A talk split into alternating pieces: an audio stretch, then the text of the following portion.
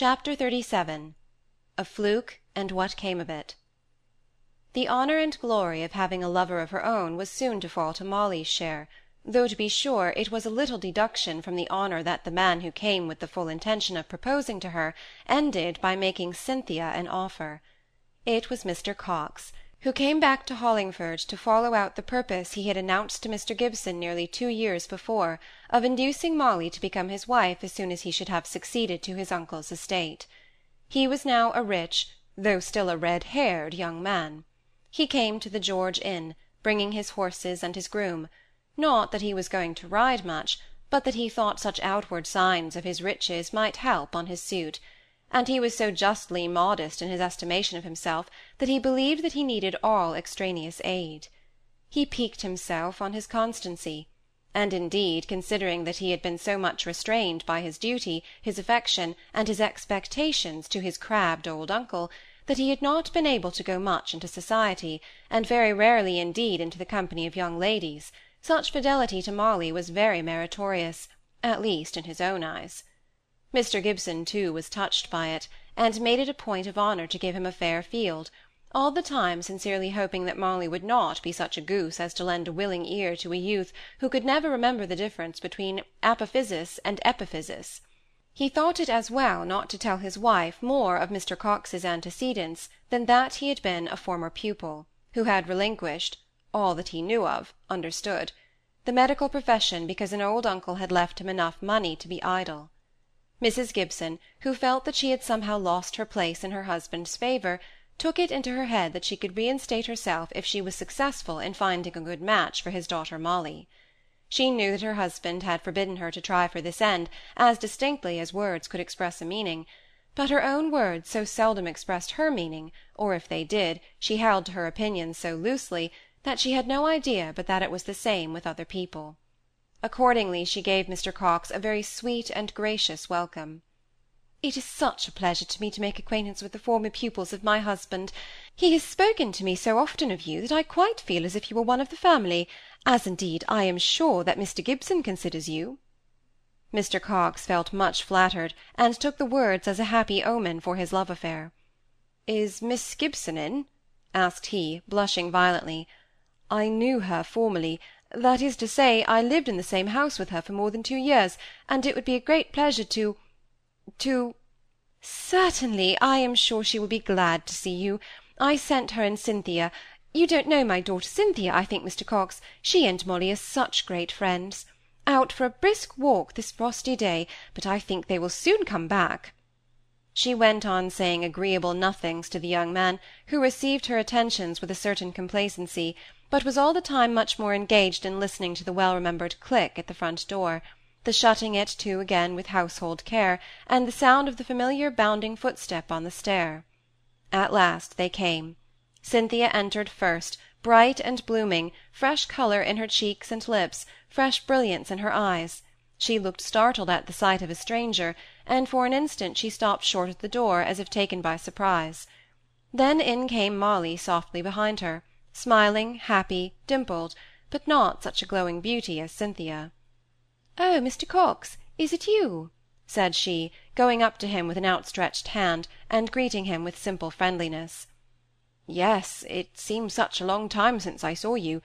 You were grown so much so much well, I suppose I mustn't say what," he replied, speaking hurriedly, and holding her hand all the time, rather to her discomfiture. Then Mrs. Gibson introduced her daughter, and the two girls spoke of the enjoyment of their walk. Mr. Coxe marred his cause in that very first interview, if indeed he could ever have had any chance, by his precipitancy in showing his feelings, and Mrs. Gibson helped him to mar it by trying to assist him. Molly lost her open friendliness of manner, and began to shrink away from him in a way which he thought was a very ungrateful return for all his faithfulness to her these two years past; and after all she was not the wonderful beauty his fancy or his love had painted her. The Miss Kirkpatrick was far more beautiful, and much easier of access. For Cynthia put on all her pretty airs, her look of intent interest in what any one was saying to her, let the subject be what it would, as if it was the thing she cared most about in the whole world her unspoken deference, in short, all the unconscious ways she possessed by instinct of tickling the vanity of men. So, while Molly quietly repelled him, Cynthia drew him to her by her soft, attractive ways, and his constancy fell before her charms. He was thankful that he had not gone too far with Molly, and grateful to Mr. Gibson for having prohibited all declarations two years ago, for Cynthia, and Cynthia alone, could make him happy.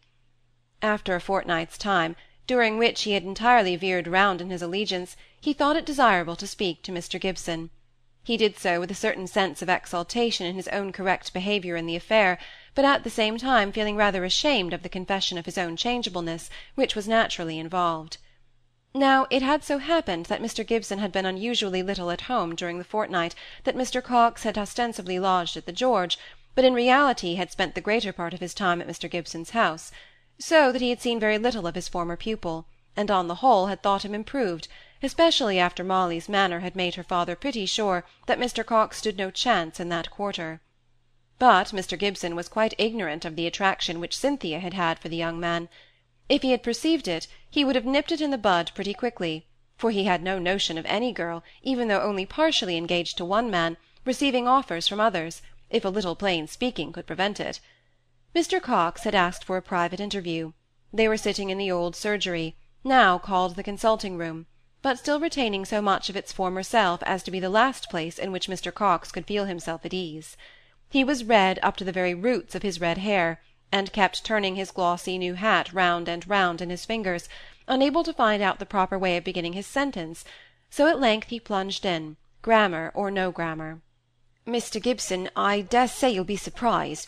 I'm sure I am at at what I want to say; but I think it's the part of an honourable man, as you said yourself, sir, a year or two ago, to to speak to the father first; and as you, sir, stand in the place of a father to Miss Kirkpatrick, I should like to express my feelings, my hopes, or perhaps I should say wishes, in short." "Miss Kirkpatrick?" said Mr. Gibson, a good deal surprised. "Yes, sir continued on Mr. Coxe, rushing on he had got so far. I know it may appear inconsistent and changeable, but I do assure you I came here with a heart as faithful to your daughter as ever beat in a man's bosom. I most fully intended to offer myself and all that I had to her acceptance before I left. But really, sir, if you had seen her manner to me every time I endeavoured to press my suit a little, it was more than coy, it was absolutely repellent, there could be no mistaking it. While Miss Kirkpatrick he looked modestly down, and smoothed the nap of his hat, smiling a little while he did so. "While Miss Kirkpatrick," repeated Mr. Gibson in such a stern voice, that Mr. Coxe, landed esquire as he now was, felt as much discomfited as he used to do when he was an apprentice, and Mr. Gibson had spoken to him in a similar manner. "I was only going to say, sir, that so far as one can judge from manner and willingness to listen, and apparent pleasure in my visits, Altogether, I think, I may venture to hope that Miss Kirkpatrick is not quite indifferent to me; and I would wait you have no objection, have you, sir, to my speaking to her, I mean?" said Mr. Coxe, a little anxious at the expression on Mr. Gibson's face. "I do assure you I haven't a chance with Miss Gibson," he continued, not knowing what to say, and fancying that his inconstancy was rankling in Mr. Gibson's mind. "No, I don't suppose you have. Don't go and fancy it is that which is annoying me. You're mistaken about Miss Kirkpatrick, however. I don't believe she could ever have meant to give you encouragement." Mr. Coxe's face grew perceptibly paler. His feelings, if evanescent, were evidently strong. "I think, sir, if you could have seen her I don't consider myself vain, and manner is so difficult to describe at any rate, you could have no objections to my taking my chance of speaking to her." "Of course, if you won't be convinced otherwise, I can have no objection. But if you'll take my advice, you will spare yourself the pain of a refusal. I may, perhaps, be trenching on confidence, but I think I ought to tell you that her affections are otherwise engaged." "It cannot be," said Mr. Coxe.